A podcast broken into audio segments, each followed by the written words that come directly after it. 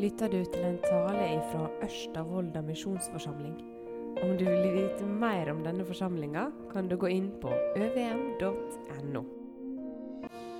Takk for at jeg fikk lov å komme hit i, i, dag. Det var veldig kjekt å få være sammen med dere her på, på bedehuset i forsamlinga, i menigheten her. Og at vi også får si litt om bønnehuset, og at dere vil gi gave til bønnehuset. Eh, nå skal vi lytte til ordet, Guds ord. Og jeg vet ikke om det kommer opp der ellers så Nei, det gjør ikke det, men det trengs det ikke. Men vi kan reise oss, og så hører vi evangelieteksten for femte søndag i åpenbæringstida.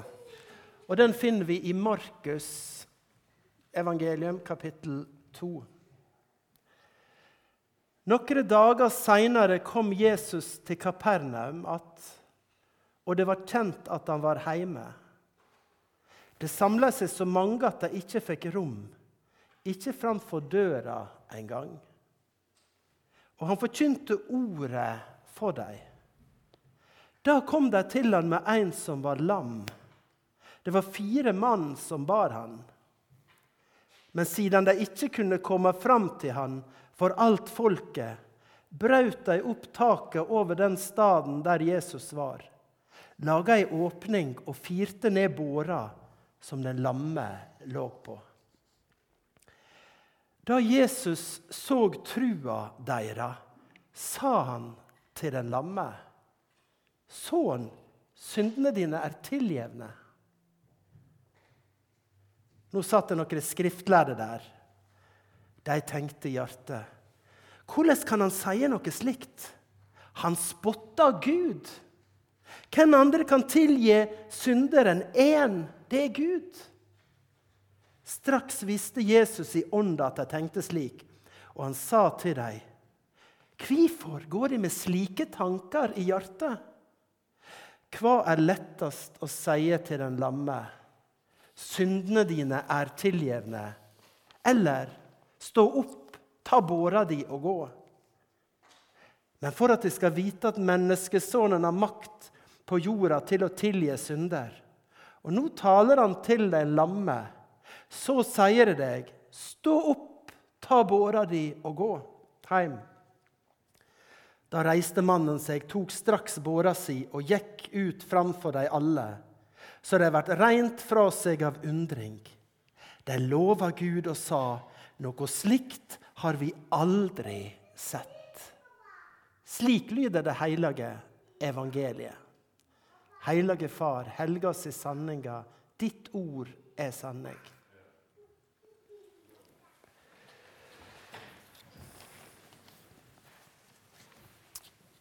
Jesus i Kapernaum.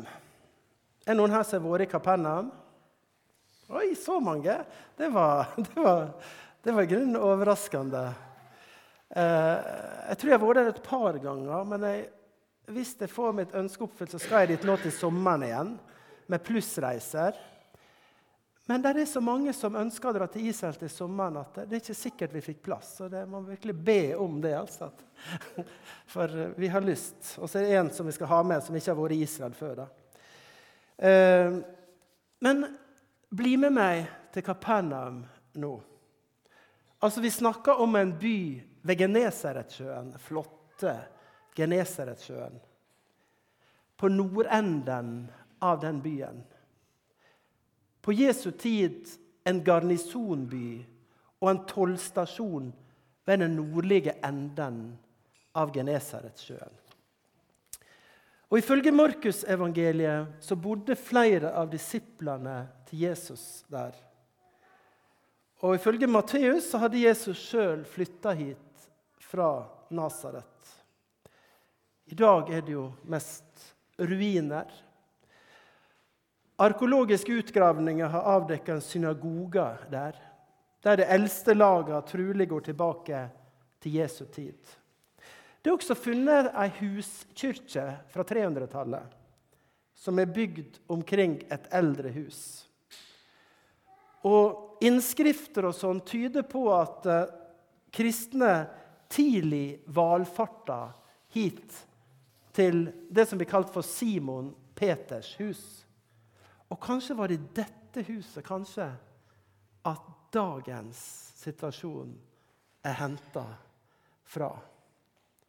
Og vi hørte noen dager seinere kom Jesus til Kapernaum att, og det var kjent at han var hjemme. Noen dager seinere, altså noen dager etter den helbredelsen av den spedalske som vi kan lese om i kapittel 1, så rykta om mannen fra Nasaret hadde begynt å gå. Mange dro til Kapernaum. Men ikke alle fikk plass inne i huset. Ikke framfor døra engang. Jesus underviste, og Markus forteller, som vi hørte, han forkynte ordet med stor O. Han forkynte ordet for dem. Trolig fra Det gamle testamentet. Det var det som var jødene sin bibel. Loven, profetene og skriftene. Han understreka trolig at han var oppfyllinga av profetiene. Han var Messias. Jesus hadde ordet i sin makt. Han forkynte med autoritet og myndighet. Og folket ble slegen av undring over læra hans. leser vi en annen plass i Nytestamentet. De var slegen av undring over læra hans. Og han taler med makt og mynde. Men så skjer det noe. Noen bryter seg fram i folkemengda. Fire menn som bærer en mann som ikke kan gå, på ei båre. Mannen var lam. Stopp!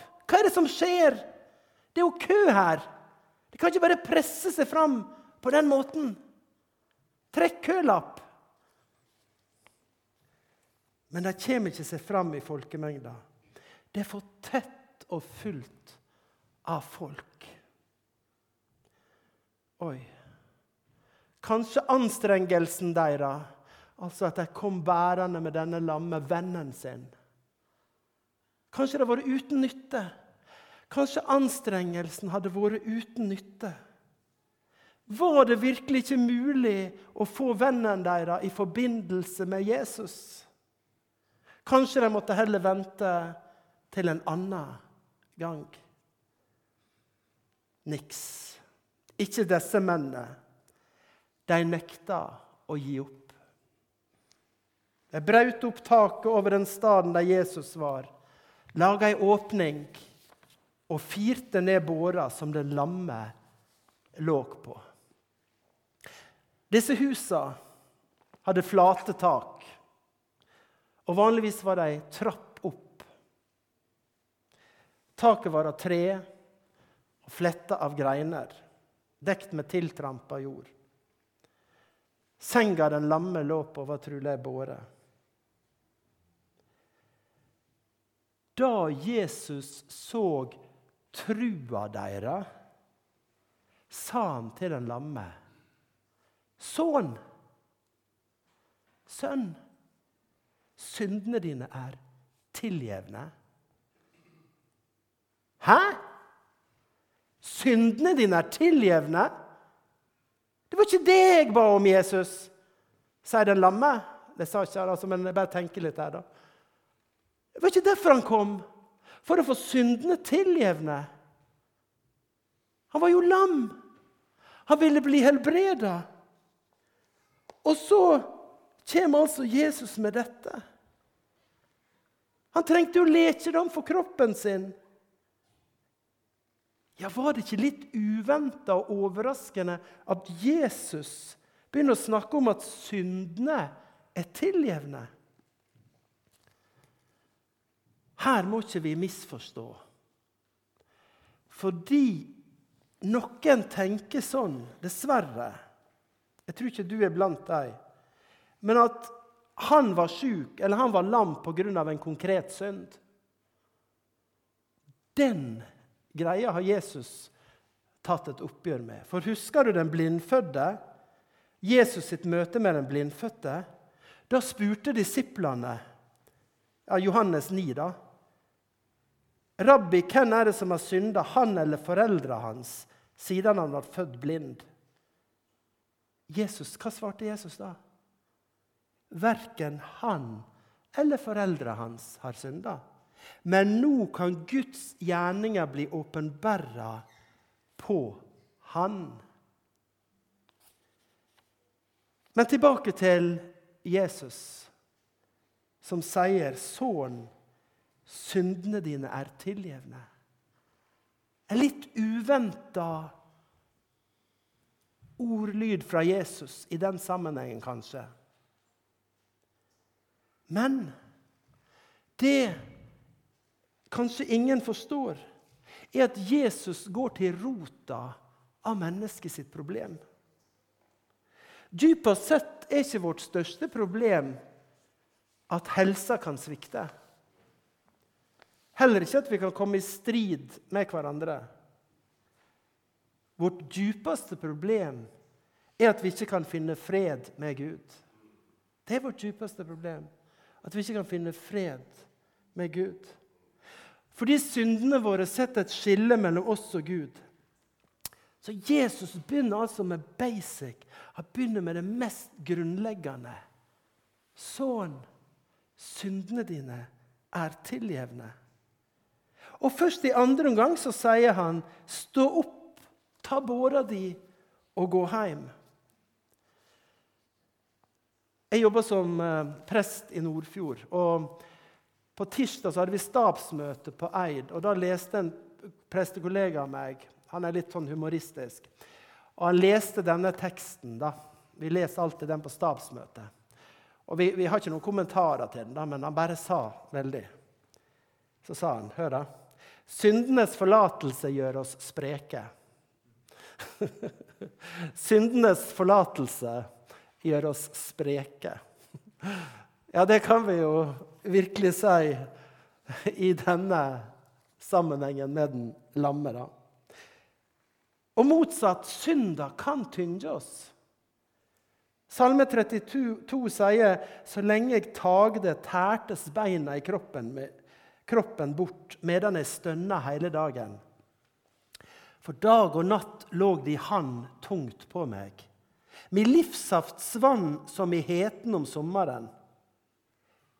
Da sanna jeg min synd for deg, og min skyld dekte jeg ikke over. Jeg sa, 'Jeg vil sanna mine brot for Herren', og du tek bort min syndeskyld.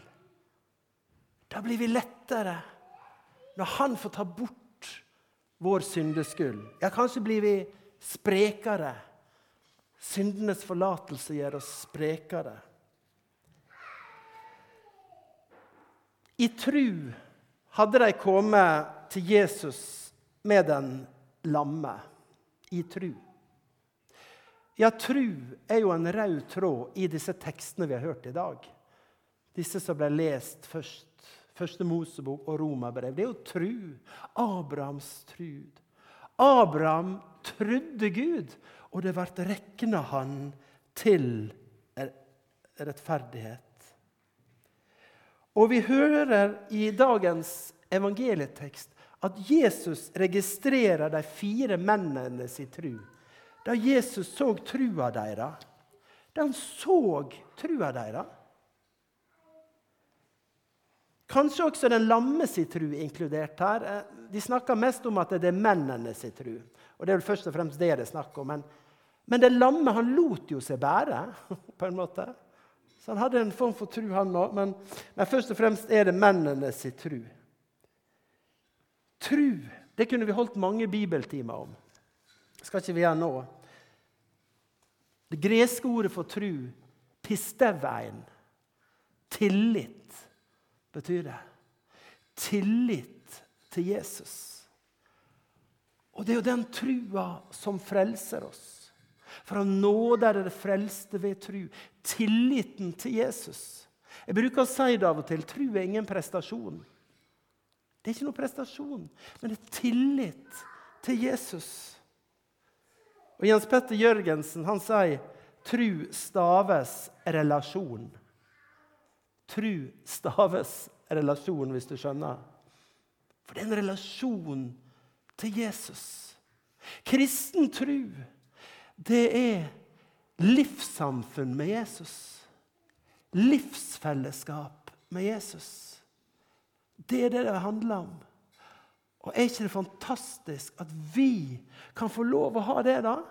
Jeg er så takknemlig for at jeg gjennom 30-40 år ja, Jeg er mer, altså, men iallfall det siden jeg mer personlig tok imot Jesus i, når jeg var 15-16 år.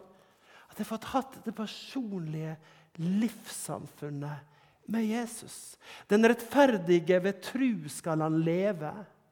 Vi får leve ved tru. Vi har ikke det synlige for øyet, men det usynlige.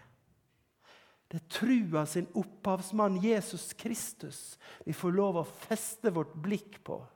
Vi kan få legge bort det som tynger oss. Vi kan få lov til det. Og synder som henger så fast ved oss, og fullføre løpet som er lagt opp for oss, med blikket festa på på Hæ? Nettopp. Jesus. Blikket festa på Jesus.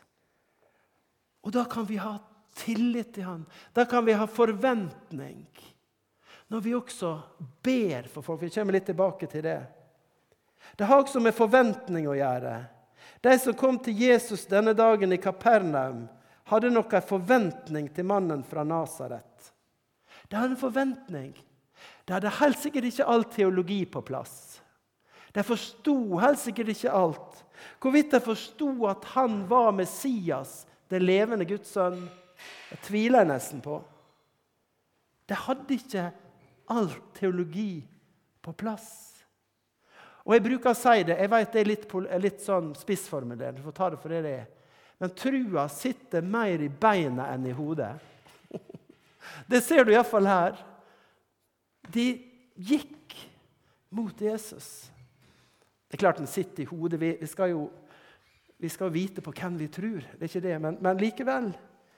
Trua sitter i beina. Og det kan være noe til oss når vi liksom er så opptatt av å få alt til å stemme rent logisk og teologisk. Trua retter seg mot Jesus. Det er han vi tror på, ikke oss sjøl. De fire mennene og den lamme hadde fokus på Jesus. Du får noen venner den lamme hadde, da. Er ikke det bra venner? Jeg syns det er bra venner.